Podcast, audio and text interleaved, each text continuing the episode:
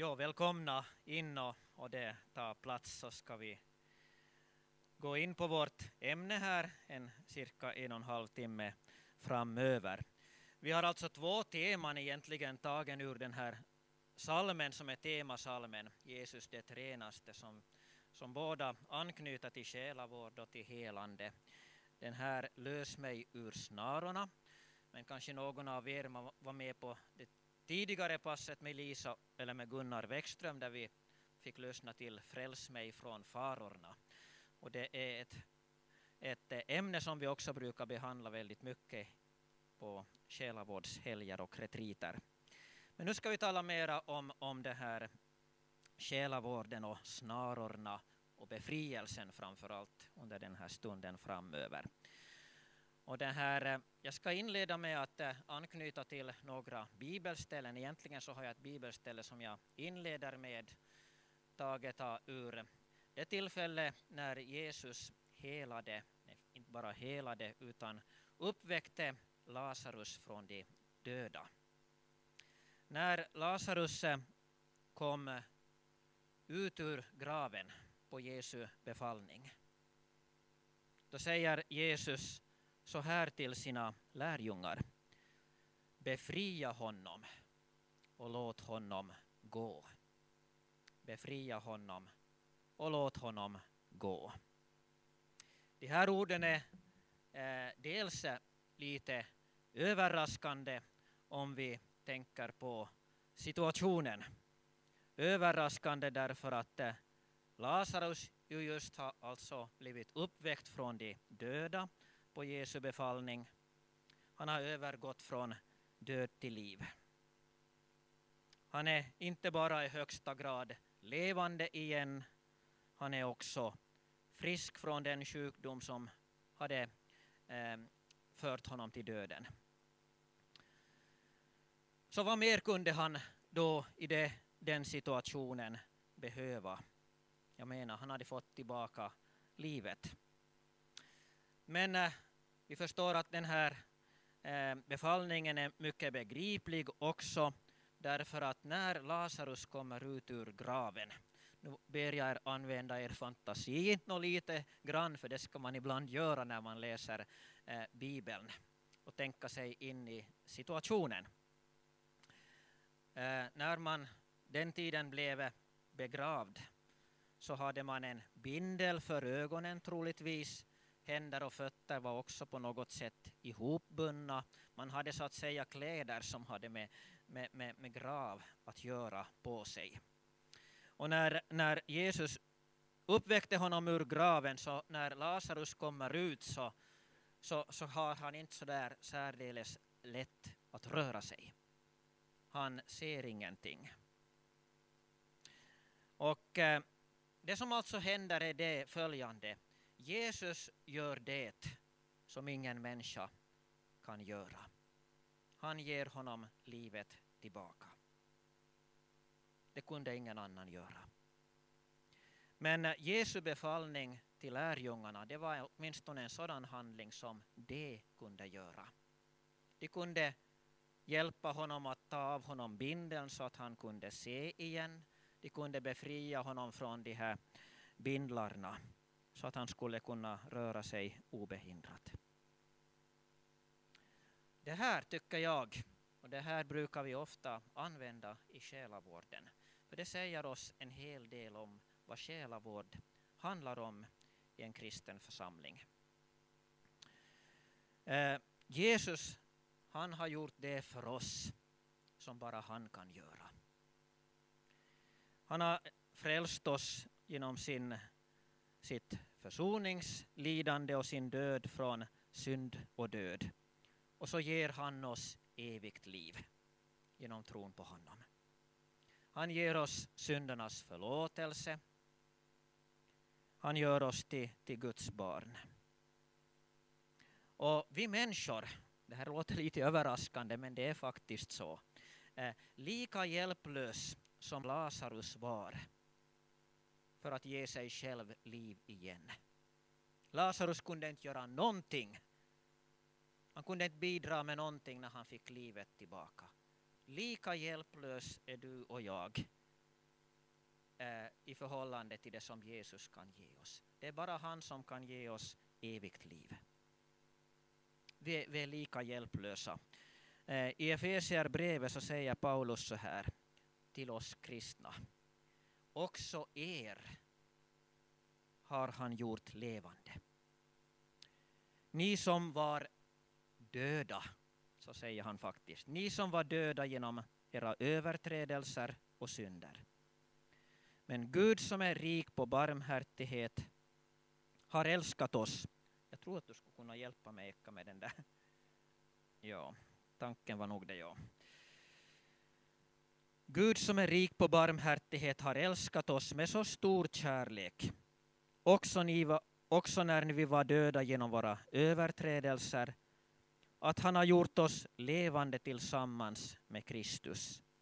Av nåd är ni frälsta. Och det här brukar vi alltså kalla för pånyttfödelsens under, att, att, att Gud har så att säga fött oss på nytt och gett oss andligt liv. Fysiskt liv hade vi från tidigare, men eh, genom tron på Jesus, genom dopet och, och, och, och allt det som Jesus har gjort för oss så har vi blivit levande gjorda. Men eh, så som eh, Lazarus var när han kom ut ur graven så var han fortsättningsvis bunden till, till dödens kläder. Till, till, till allt det som har med synd och död att göra. Han behövde lite hjälp och befrielse från, av, av, av de andra kristna. Och eh, på samma sätt är det också med dig och mig i det andliga livet i det kristna livet. Och jag tror att det var faktiskt hon som höll morgonbönen i, idag från Purmo. Jag vet inte om ni var med på den tidiga morgonbönen klockan 9.00. Men då började hon väldigt fint dagen med att säga att, att, eh, att församlingen är som ett sjukhus. Där vi är så att säga patienter. Vi är intagna eh, eh som patienter i ett sjukhus och ni vet att Jesus har sagt att det, det är inte de friska som behöver läkare utan de sjuka. Vi är så att säga fortsättningsvis, trots att vi har fått andligt liv av Jesus, så, så är, vi, är, vi, är vi fast i, i syndens och dödens bindlar. Och vi kan bli snärjda.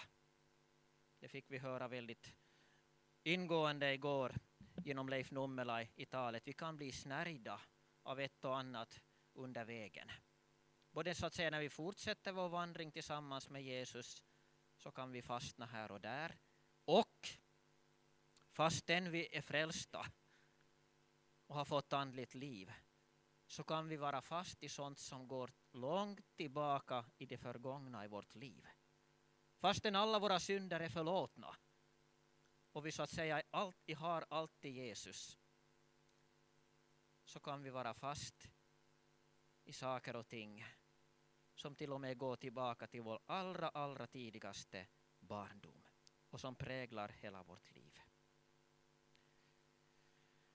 Och eh, därför så är församlingens uppgift det här, den här Jesu befallning, lös mig ur snarorna, sjunger vi i den här salmen. Och nu, nu är det ju väldigt fint att vi i, i den här salmen sjunger, vi, vi sjunger det här som en, en bön.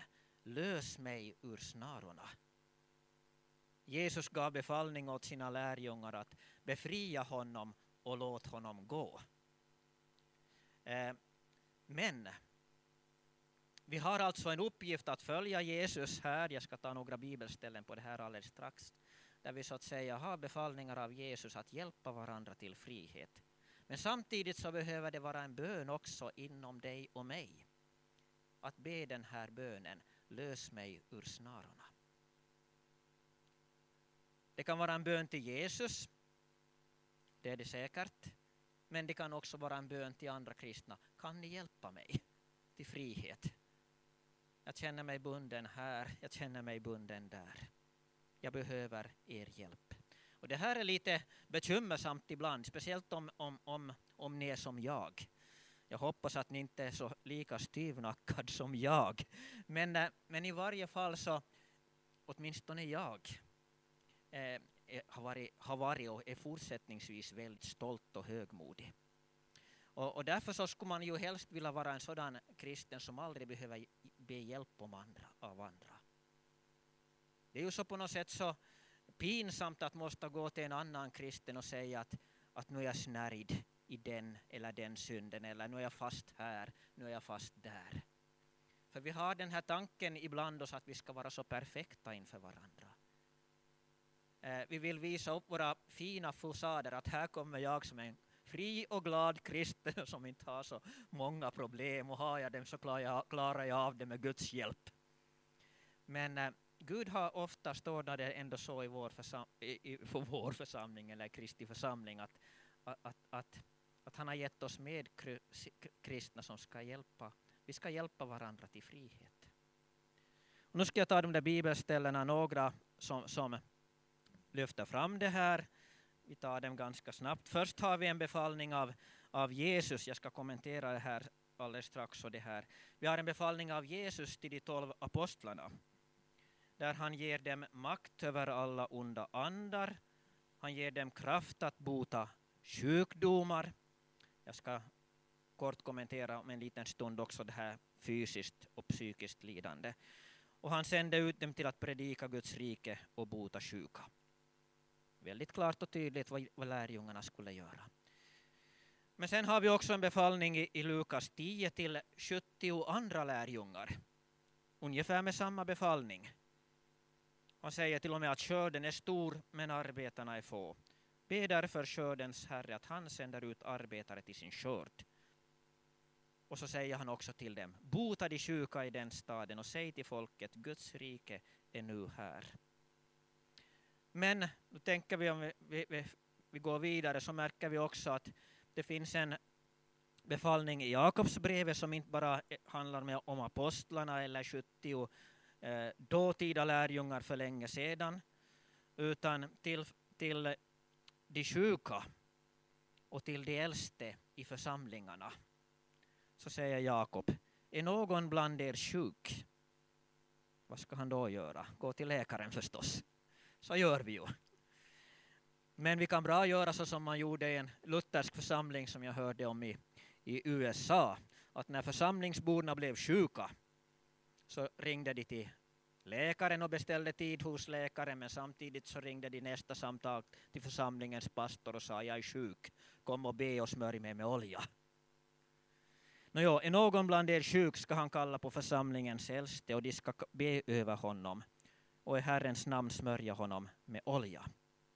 Och så kommer ett löfte. Trons bön skall hjälpa den sjuke och Herren skall resa upp honom. Och så kommer det som är viktigt som jag också ska kommentera sen lite mera. Har han begått synder så ska han få förlåtelse för dem. Så det var alltså en befallning till, till de äldste och till oss när vi är sjuka. Men sen kommer en ytterligare allmän befallning som gäller oss alla.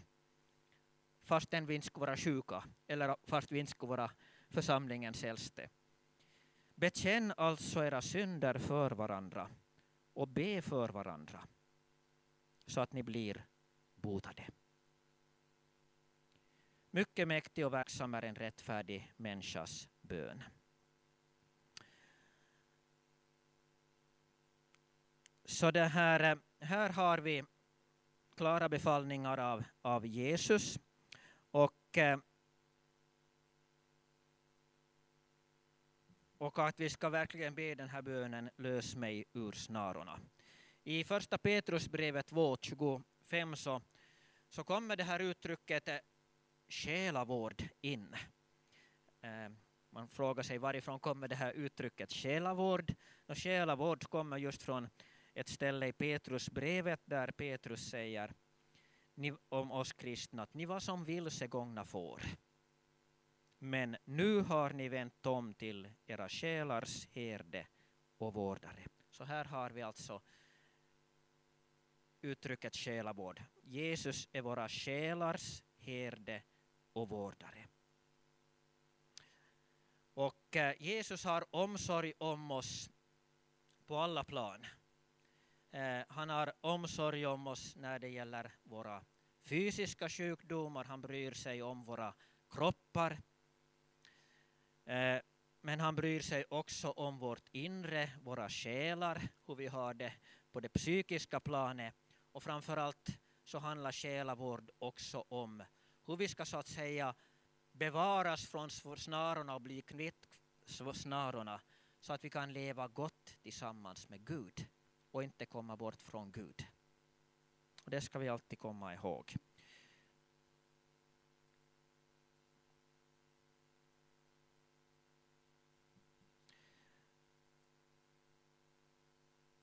Vi ska alltså småningom också ta upp det här med, med det här olika typer av snaror. Men eh, jag ska kommentera det här med, med fysiska och psykiska sjukdomar. När vi läser vårt nya testamente så märker vi att Jesus han satsar väldigt mycket tid på att eh, bota de fysiskt sjuka. Det har, det har väl knappast någon undgått att, att märka. Men eh, personligen så tror jag att, eh, att eh, samtidigt som Jesus botade de fysiska sjukdomarna så när människor kom i kontakt med Jesus så, så, så skedde det någonting med deras själar också, med deras inre. Och så är det alltid, mer eller mindre. Eh, Lillemor Hallin, en kvinna i Sverige som har skrivit en bok som heter Läkedom i Kristus, den finns där. Eh, så hon säger i den här eminenta och fina boken om själavård att, eh, att personligen så tror hon att i, i dagens läge, i dagens kristenhet, så sker det flera helanden bland oss kristna på det inre planet än det sker på det fysiska planet. Och hon säger där också att, att, eh, att det är fullt förståeligt därför att eh, förr eller senare kommer våra kroppar att läggas i graven. Och, och de flesta av oss dör i någon fysisk sjukdom eller om inte vi dör av någonting annat och hastigt tas bort. Eh, men eh, Jesus är intresserad av vårt inre liv, hur vi har det så att säga inombords.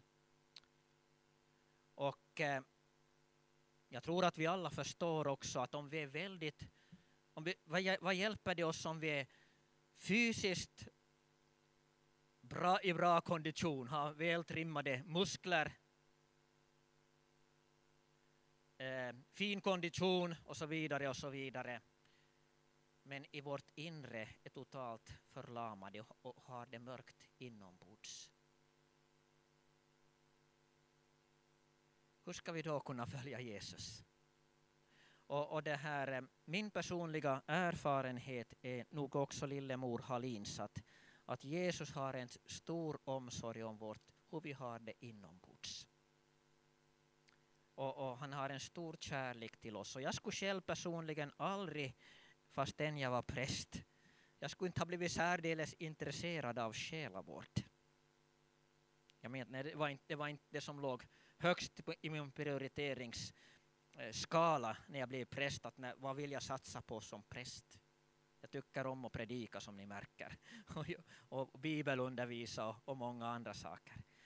Men eh, Jesus mötte mig under mitt liv och befriade mig från så mycket som jag hade burit med mig från eh, unga år och som jag under många år aldrig riktigt blev kvitt. Ända tills jag fick eh, eh det här högmodet.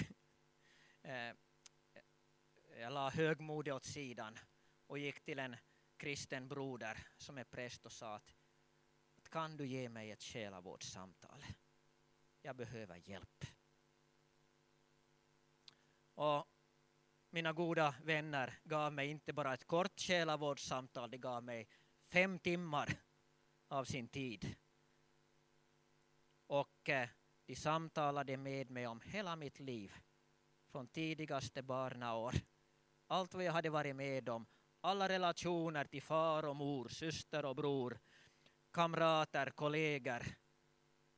allt vad jag hade varit med om och som, som, som vi kom att, på att ta upp. Och så bad de för alltihopa. Och också bad för det som var eh, orsaken till att jag tog kontakt för själavård. Och jag fick uppleva ett så stort inre helande under de fem timmarna fastän det inte kändes. Det var inte så där att jag satt där och skakade och grät och om vartannat utan det var så att, att Gud grep in och när jag satte mig i bilen och körde hem på kvällen så tänkte jag, vad har hänt? Hur är det möjligt att jag har en frid djupast inne i mitt hjärta där jag hade oro och bekymmer och bundenhet tidigare? Det som jag hade aldrig trott att det, det kommer jag alltid att få släpa med mig. Jag hade släpat på det i 15 och 20 år.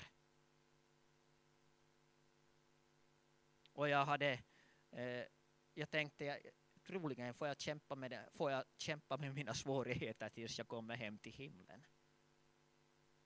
Men Jesus befriade mig och lät mig gå ut i frihet. Och vad kunde jag då göra annat än att, än att eh, så småningom säga till min Gud och till mina kära vänner som hade bett för mig att, att om Gud vill ha någon hjälp av mig också när det gäller själavård så vill jag gärna vara med och vara en, en, en med i det där teamet på sjukhuset, det stora kristna sjukhuset som, som vill hjälpa människor till frihet. Och jag vill inte komma som en läkare från ovan som själv inte är sjuk, utan jag har själv varit sjuk och jag är fortsättningsvis sjuk ibland och behöver fortsättningsvis hjälp. Men vi har en själavårdare i Herren Jesus. I kristenheten är vi väldigt ibland inriktade på detta med det fysiska helandet och det är det som är det intressanta för det är så häftigt. Och det ser så stort ut. Men jag är mycket mer intresserad av det som sker med människors hjärtan, vad som sker innanför. Och så tackar jag Gud för alla fysiska helanden också, som Gud gör. Men nu ska jag ta upp några saker och sen ska jag ge några mallar och, och, och, och, och så här, på vilket sätt vi kan utöva själavård och vad vi kan göra. Och jag kan, hinner inte som sagt gå så väldigt djupt in på det, men jag ska ta upp några saker här som, som jag har märkt att vi människor kämpar med. Och, när, och det är alltid så att det som vi så att säga mest har på ytan i vårt liv, när du sitter och tänker efter och lyssnar på mig nu, så antar jag att, att den helige Ande eh, påminner dig om ett och annat i ditt liv som, som du också tycker att ja, men det där skulle jag nog behöva få hjälp med. Här så sitter jag nog åtminstone lite fast. Och, och det här, eh, om den helige Ande påminner dig om sådana saker idag, det kan vara saker som du vet väldigt klart. Och oftast så, så märker vi det i känslolivet först, var vi sitter fast. Men sen när vi börjar så att säga bena ner och, och fundera, varför känner vi så? Varför vi upplever vi saker och ting så här? Så kommer vi ner förr eller sen, senare ner. Det är som att börja skala en lök. Har ni skalat lökar?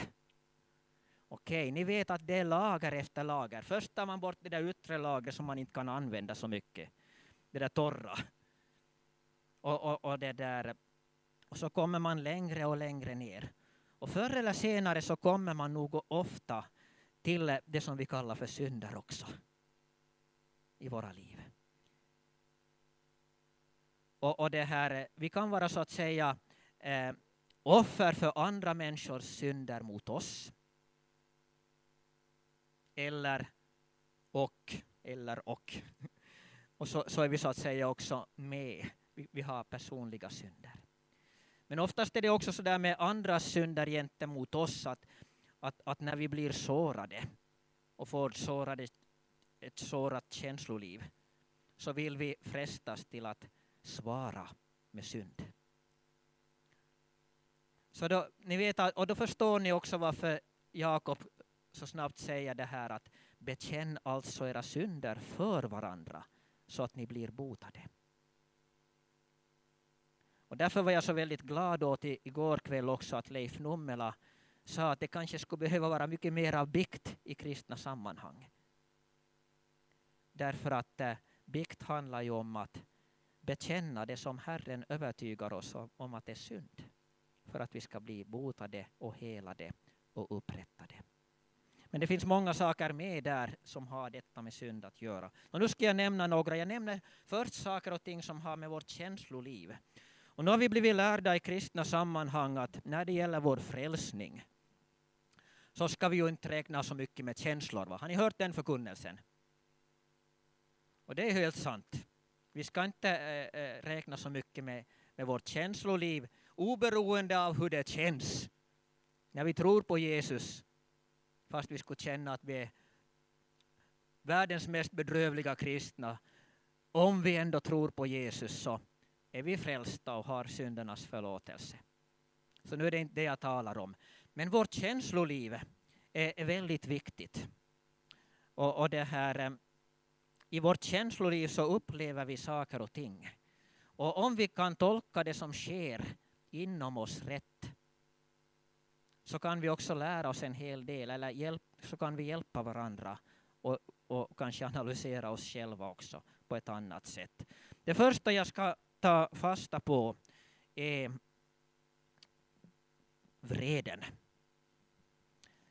Det där att vi kan bli arga. Eh, vrede så är, är, är ju, ett, är, är ju en, en väldigt kraftig känsla som vi har. Och, och vrede kan till och med bli så att man, man, man till och med börjar hata, avsky. Eh, vreden är ju i sig inte någonting som är, är fel. Ibland så finns det i vissa kristna sammanhang eh, en tanke så här att om vi blir arga så, det här så, så, så borde vi ha dåligt samvete. Eh, men så är det inte. Paulus säger ju i, i det här i, i ett av sina brev att vredgas, det vill säga bli arg, men synda inte.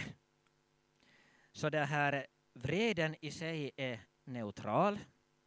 Den, den är eh, varken ond eller eh, god. Men eh, när vi blir arga så måste vår vrede på något sätt få, få, få komma fram. Och det här, många människor kämpar på det sättet ibland. En del människor kämpar så att de, de, de så att säga istället för att låta sin vrede komma ut på något slags konstruktivt sätt eller sippra ut åtminstone på något sätt så, så, så det här eh, kapslar man in den. Och det här eh, och så blir man väldigt snäll. Och, och, det här, ofta kan det vara så att, att snälla människor, som, som alltid är snälla, eh, eh, de, de, kan ha, ha, ha lätt att kapsla in sin vrede, för de har inte låtit den här vreden komma ut. Och, och, och vad händer då om man kapslar in sin vrede? Jo, den förtär oss själva inuti. Och, och, och det här eh, och, och, och det, det, det, ger, eh, det kan bli vad som helst av det. Och, och går man riktigt långt på den vägen så blir man totalt deprimerad och, och, och till och med ångestfylld och man kan till och med bli fysiskt sjuk av det. Andra igen, och det har ni kanske säkert fått uppleva och ni har säkert upplevt det själv också, att ni själv har varit så att ni exploderar och det där, ni blir så arg så att ni exploderar någon gång och när man exploderar så har man, i, har man en benägenhet ibland att ex, explodera på ett sådant sätt att man i värsta fall blir ond. Det vill säga att, att vreden blir så ond att man, man, man gör illa andra människor. Och det har jag sett tyvärr en hel del av. Och det har säkert du också sett en hel del av. Och det är ju den andra sidan. Men eh, du kan ju fundera så att säga på dig själv också så här hur, hur det är med dig. Alltså, eh, vad gör du när du blir arg på andra människor? Har du kapslat in det? Eller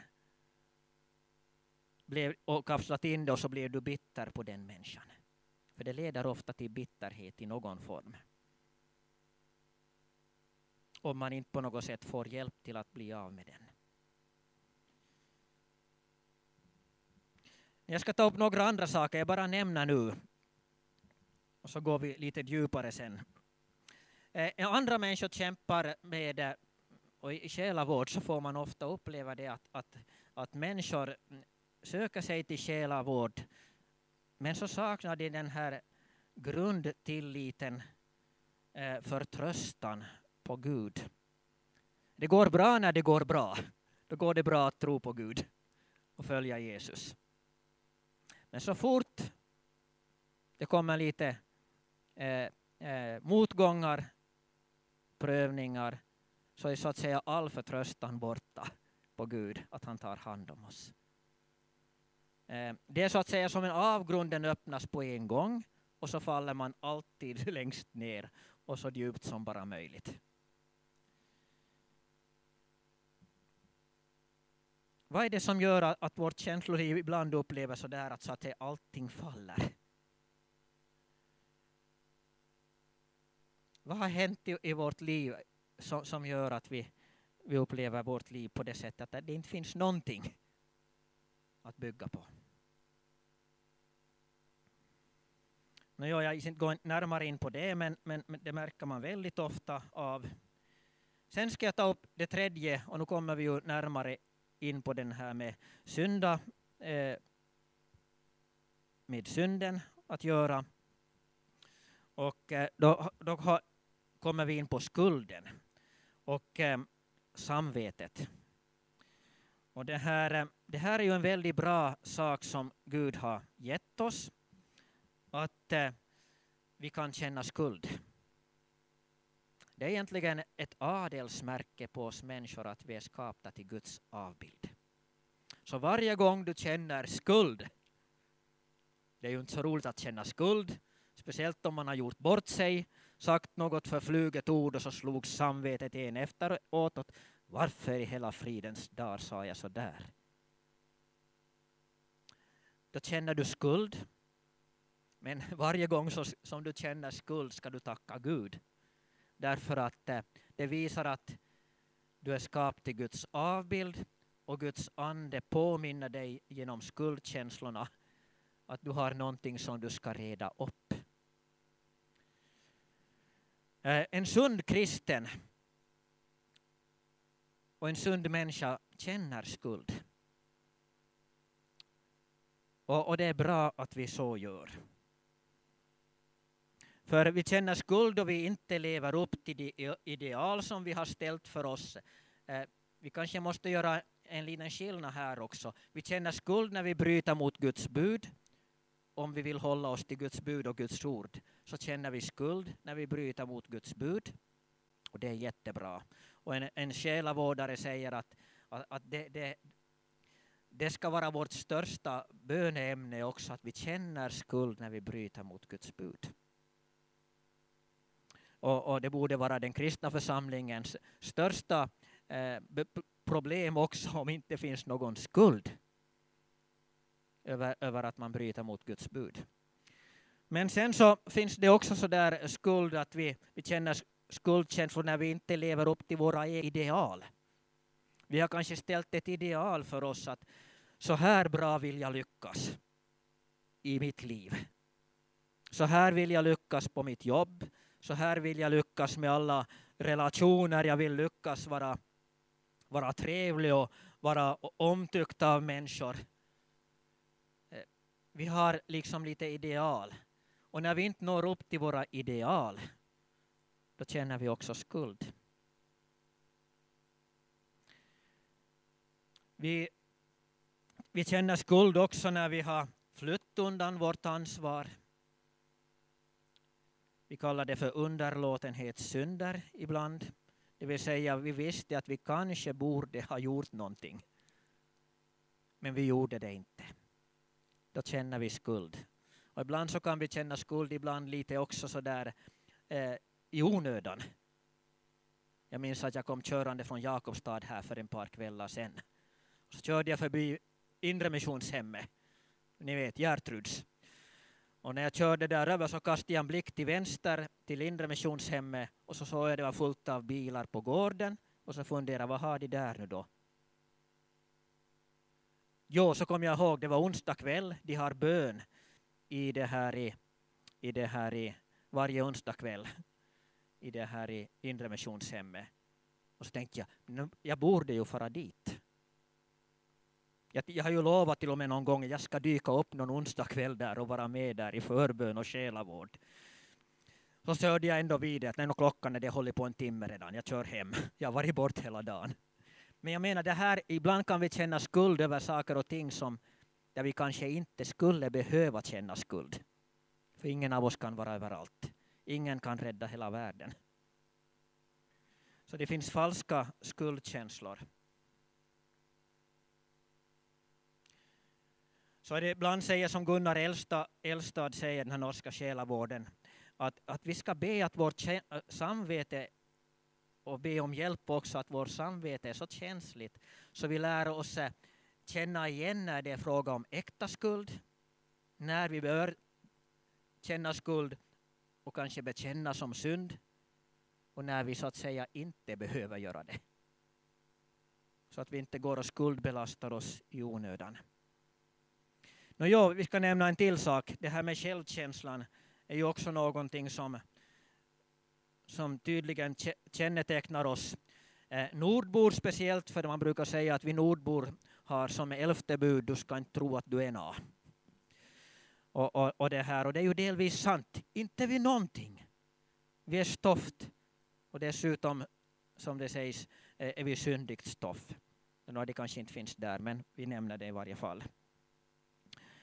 Ja. Men, men samtidigt så är du skapad till Guds avbild. Gud älskar dig. Och fastän du är syndigt stoff så är du Guds avbild och du är älskad av Gud. Och du har rätt att och får av nåd tänka om dig. Jag är älskad av Gud. Jag är värdefull i den jag är. Varför föraktar vi oss själva så ofta? Varför tänker vi så ofta om, om, om oss själva? No, jag är nog inte någonting. Eh, jag duger inte till någonting. Gud vill också lyfta upp oss så att vi kommer till en sån där sund självkännedom. Där vi så att säga tänker realistiskt om oss själva. Jag är jag med de här gåvorna. Det är jag bra på. Det där är jag inte så bra på. Det där är jag jättedålig på. Men jag är jag och Gud har skapat mig sådan. Och jag får vara glad över att jag är jag och du är du. Sen skulle jag vilja nämna en till sak som jag tror att, att eller jag upplever ibland hos mig själv men också när jag ser människor och när jag ser kristna ibland så får jag en förnimmelse av att många människor och många kristna kämpar med livets mening. Ibland så upplever en kristen livet är, är ganska meningslöst. Och jag håller på att fylla mitt liv. Jag söker febrilt efter olika saker som jag för, försöker fylla mitt liv med. Lös mig ur snarorna. En snara som kan möta oss kristna och som möter oss kristna allt mer och mer.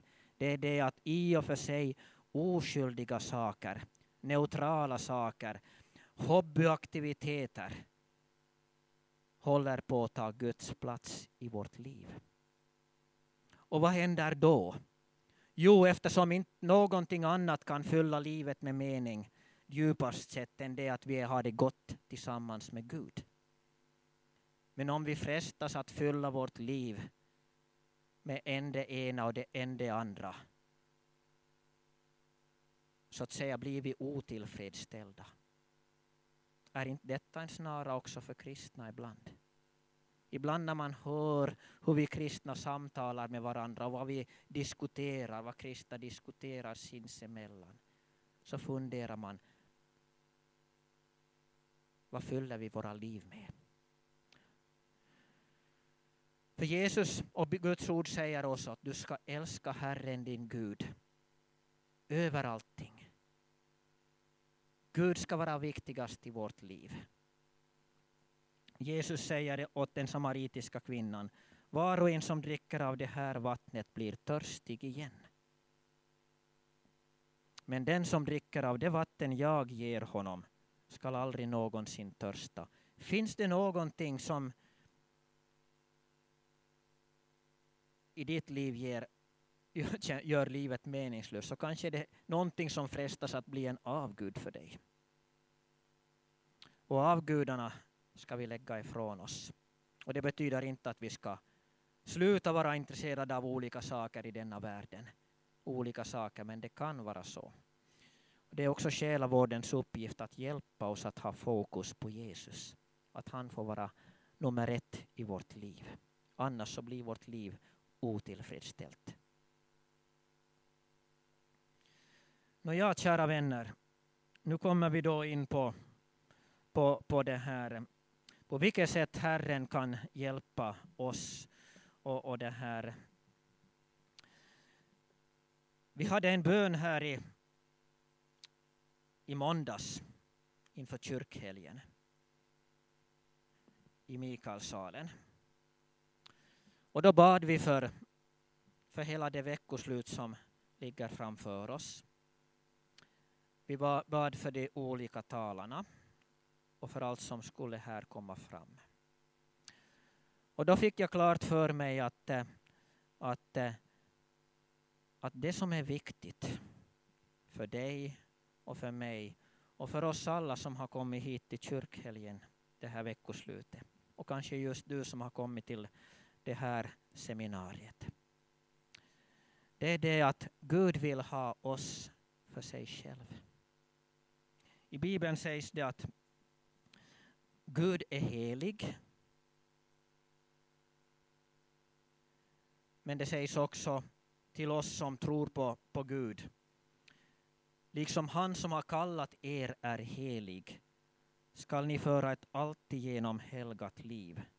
Det står skrivet, ni skall vara heliga, ty jag är helig. Vad betyder det att låta sig helgas? Att, att vara helig betyder att vi, det här Gud kallar oss för att vi ska så att säga tillhöra honom helt och hållet med kropp, själ och ande. Och så att säga att vårt liv ska få förhärliga Jesus mer och mer. Och, och Jesus ska få bli stor och dyrbar för oss. Och då vill Gud så att säga hjälpa oss till frihet, precis så som han hjälpte Lazarus till frihet.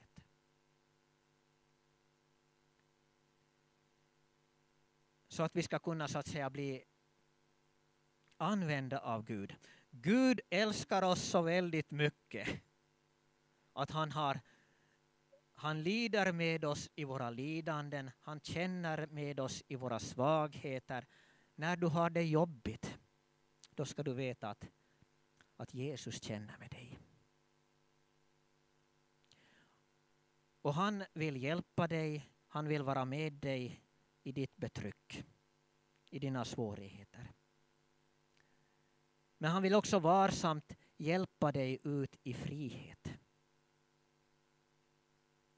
Där du ska få, eh, så att säga, andens frukt ska få börja växa fram. Där det tidigare har varit oro, där det har varit glädjelöshet, där det har varit betryck i våra liv.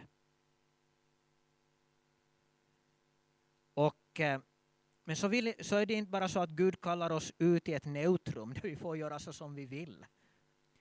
Utan han vill ha oss för sig själv. Så att, vi, så att vårt liv skulle få förhärliga honom.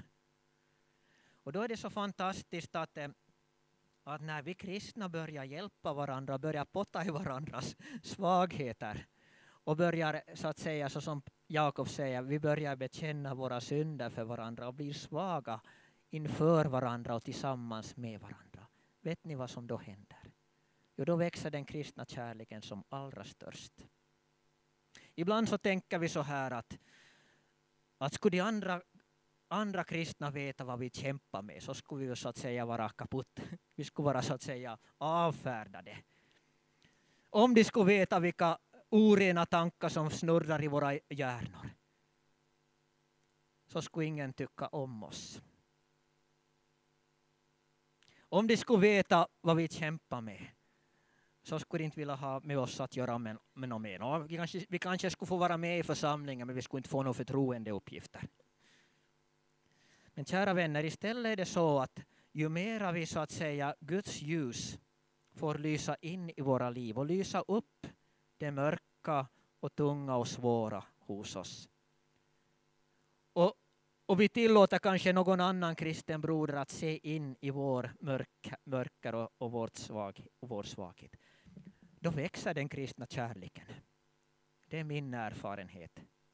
När människor har suttit och bekänt sina synder för mig ibland i själavård så har jag beslutat mig för att jag ska aldrig bli förskräckt över vad jag än får höra. Och det har jag aldrig behövt bli. Utan istället så har jag märkt att när en kristen broder bekänner sina bedrövelser eller, eller en syster, då har, har min kärlek vuxit till den personen. Och jag har fått en, en större, eh, den kristna kärleken tillväxer. Och det, det är det som kallas för de heligas gemenskap. För då, är, då blir vi avskilda för Gud. Då, får, då kommer Guds helighet och ljus in i våra liv och hans kärlek. Och eh, då blir det precis som vi sjöng i den här sången. Eh, jag är svag men ändå stark.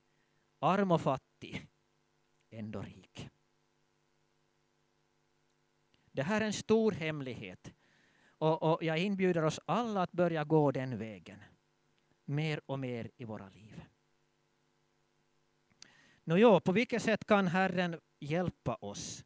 På vilket sätt kan vi hjälpa varandra till frihet?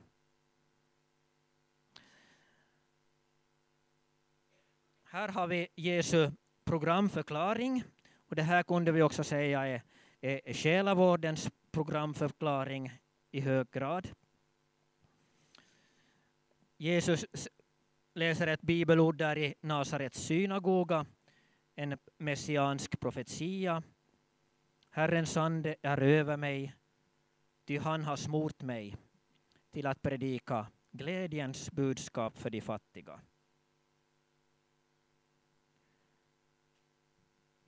Vad betyder det att vara fattig? Här är det inte fråga om, om, om, om det här, en tom plånbok, utan det är fråga om det som, som det talas om i saligprisningarna, fattig i anden.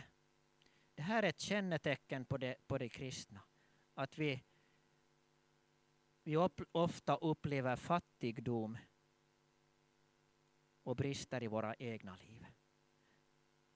Och när Guds ljus får lysa in där då blir vi på något sätt rika. Då kommer glädjen in.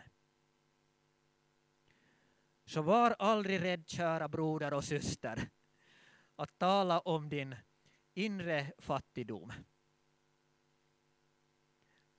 Bekymra dig inte över att du är så, att, det, att du är så andligt fattig och, och, och, och tycker att du har ingen kraft i ditt kristna liv inombords. Och ta inte det ett tecken på att du är en dålig kristen utan ta det som ett tecken på att du behöver mer av Jesus och han har det att ge som du behöver. Så tala gärna om din fattigdom och så med, med fokus på Jesus och vad han vill ge. Men sen så fortsätter Jesus och säger, han talar om att, vi ska ro, att han vill ropa ut frihet för de fångna. Vad är vi fångna av? Kan en fri, kristen faktiskt vara fången i synd? Hebreerbrevet 12 säger, det här har jag inte med som bibelställe där framme, men jag ska ändå läsa det eftersom det anknyter till ämnet för det här seminariet. Så sägs det i Hebreerbrevet 12, när vi alltså har en så stor sky av vittnen omkring oss, låt oss då lägga bort allt som tynger. Tänk vilken förmån vi har när vi kommer samman som kristna. Om vi till fullo skulle skulle, skulle våga göra det och komma ut ur våra garderober så får vi lägga bort allt som tyngar oss inför Gud. Men ibland så, så är vi så svaga så vi kan inte gå direkt till Gud. Utan därför så behöver vi våra, och det här sjukhuset och den här personalen runt omkring oss som kommer och lyssnar på oss när vi lägger av allt som tynger.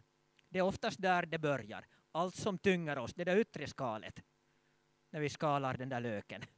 Vad tynger oss? Aggressioner, ilska, dåligt samvete, ofördragsamhet, ovilja till att förlåta andra människor, sårade känslor därför att någon har sårat oss, dålig relation till far och mor eller kanske bara till någon av dem från tidiga år. Lägg bort allt som tynger och särskilt synden som snärjar oss så hårt. Där har vi det. Synden snärjar oss faktiskt så hårt. Så bakom nästan allting så finner man sen något slag av, av, av, av kopplingar till olika slag av synd. Och därför så är själavårdens innersta väsen det här själavårdande samtalet. Man kommer förr eller senare till den punkt i ett själavårdssamtal eller en förbönstund där man måste fråga av den som håller på och lägger av allt som tynger. Märker du att du är fast i en synd? Vill du bli befriad från den? Och när man märker sådant och samvetet säger ja, det är faktiskt så, så betyder det inte att du inte skulle vara kristen. Du har fått alla dina synder förlåtna. Varje gång du bekänner dem. Men Jesus plockar fram så att säga synder i vårt liv. Därför att de där synderna på något sätt binder oss känslomässigt. Och han vill befria oss. Och hela oss. Han vill hela de där sårade känslorna. Därför att någon sa ett, ett ord till dig någon gång. Och det har, du, har, du har kommit ihåg det hela ditt liv. Tänk vad man kan kolla, komma ihåg vad människor har sagt om oss. Och ord kan binda. Men Herren kan befria. Och Guds ord är så starkt att när vi så att säga lyfter fram det här och synden och förlåtelsen, synderna får bli förlåtna, bekännas och förlåtas, så kan det också bandet, det där själsliga bandet som binder oss, huggas av, klippas av i vårt inre. Så att det slutar att oroa och plåga oss. Och det här har jag sett så många gånger i själavården, jag kan inte förklara, men det sker gång efter gång att Herren befriar. Frihet för de fångna och syn för de blinda. Och därför så behöver vi i all själavård, för själavård är inte bara så att säga psykoterapi eller någonting sånt, eh, utan är till sin innersta väsen att Guds ord ska få upplysa oss för vår vandring tillsammans med Jesus. Och i själavård så behöver det alltid komma någonting utifrån. Guds ord in. För vi har inte lösningen på våra svårigheter inom oss själva som man ibland lär inom viss psykologi och som säkert alla präster har fått lära sig. Åtminstone jag fick lära mig att att när människor kommer till själavård så finns lösningen inom dem själva, bara de får prata om det en stund. Och på sätt och vis kan det vara sant, för Guds ande kan påminna oss om vi har fått någon kunskap i Guds ord tidigare. Men Guds ord behöver alltid komma utifrån till oss och upplysa oss på ett sätt eller annat. Och därför så är Guds ord väldigt viktigt i all själavård. Och till slut ja, betryckta frihet och ett nådens år från Herren till ett nytt hopp, en, en, en, en ny förtröstan, en, en, en ny vandring tillsammans med Jesus. Så kära vänner, vad ska vi lära oss att göra som kristna? Jag tror att det som vi många gånger behöver lära oss det är just att, att ta det där första steget och, och, och säga det där. Be den där bönen. Lös mig ur snarorna. Kan ni hjälpa mig? Kan ni be för mig?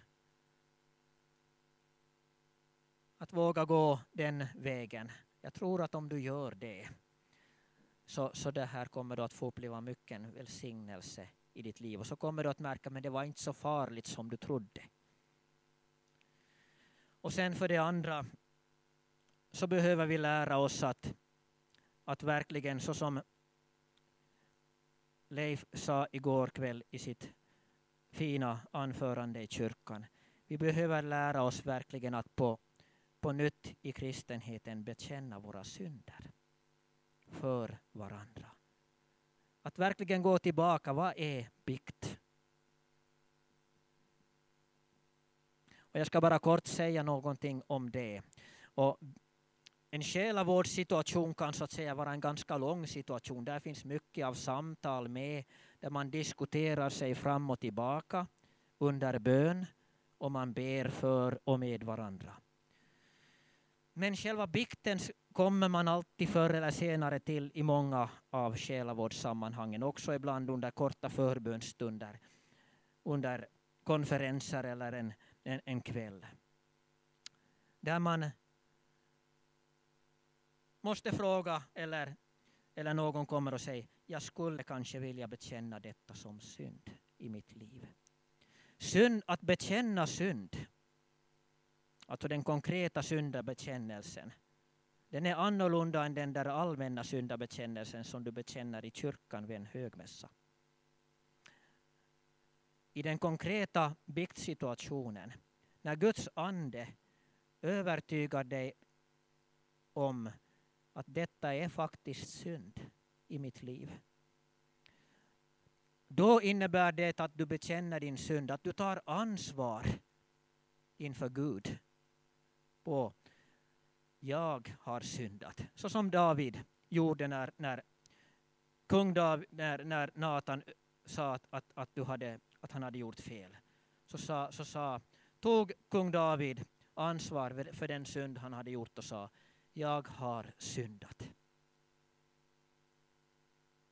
Han sa inte, han började inte ursäkta sig. Jag skulle inte ha syndat ifall inte situationen skulle ha. Ni vet, vi, vi skulle så gärna vilja ursäkta oss. När vi ursäktar oss så, det här så, så, så, så lyfter vi upp alla förmildrande omständigheter. Så att äh, den som lyssnar på oss ska tycka, då var det ju inte så farligt. Gå iväg. Inte var det där någon synd. Äh, att bekänna synd, det är helt enkelt kort och enkelt det. Jag har gjort det och det. Jag bekänner det som synd, ångrar mig, jag vill bli kvitt det. Amen. Och så behöver man inte rota i det där något mera. Inte ens själavården, man kanske samtalar om situationen och sen, men då ska biktfadern säga, din synd är dig förlåten. Därför att Jesus har gett oss fullmakt att befria från synd och förkunna syndernas förlåtelse. Sen så kanske man måste reda upp lite efter sig också. Som vi talat om man har försyndat sig mot andra människor så kanske man behöver gå och be den människan om förlåtelse efteråt. Så synden ska vi ta ansvar för när Guds ord överbevisar oss om den. Och eh, så märker vi de där bindningarna där till olika saker. Vi kan vara bunden till en händelse. En situation i vårt liv som, som vi inte vill bli kvitt och som gör oss eh, illamående. Som förföljer oss år efter år. Det kan vara ett ord, det kan vara en blick, det kan vara en människas sätt att, att möta dig som har sårat dig djupt och du är bunden. Det kan vara bundenhet till, till att du inte var älskad så som du borde ha fått vara. Och Guds ord vill lyfta ut dig i frihet, också på det känslomässiga området.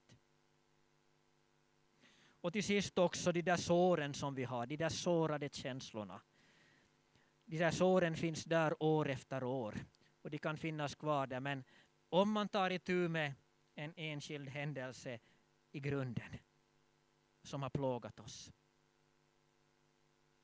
och sen till sist också ber om helande för de sårade känslorna så kommer Jesus med sin kärlek in också där och hjälper oss till helande, till tröst och uppmuntran. Och det här, nu vet jag inte hur länge jag har hållit på. Jag får sluta nu, säger min fru. Och det här, eftersom hon säger det så, så då ska jag definitivt sluta.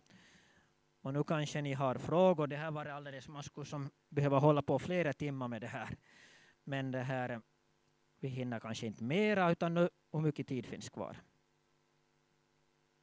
Okej, okay. nu får du ta över och så kanske någon vill ställa frågor. Okej. Okay. Finns det kommentarer, frågor, jag kanske har varit otydlig, då får ni gärna eh, ställa tilläggsfrågor eller någonting annat. Jag är ingen expert, men, men det där, jag kan svara så gott jag kan vad jag har lärt mig under årens lopp.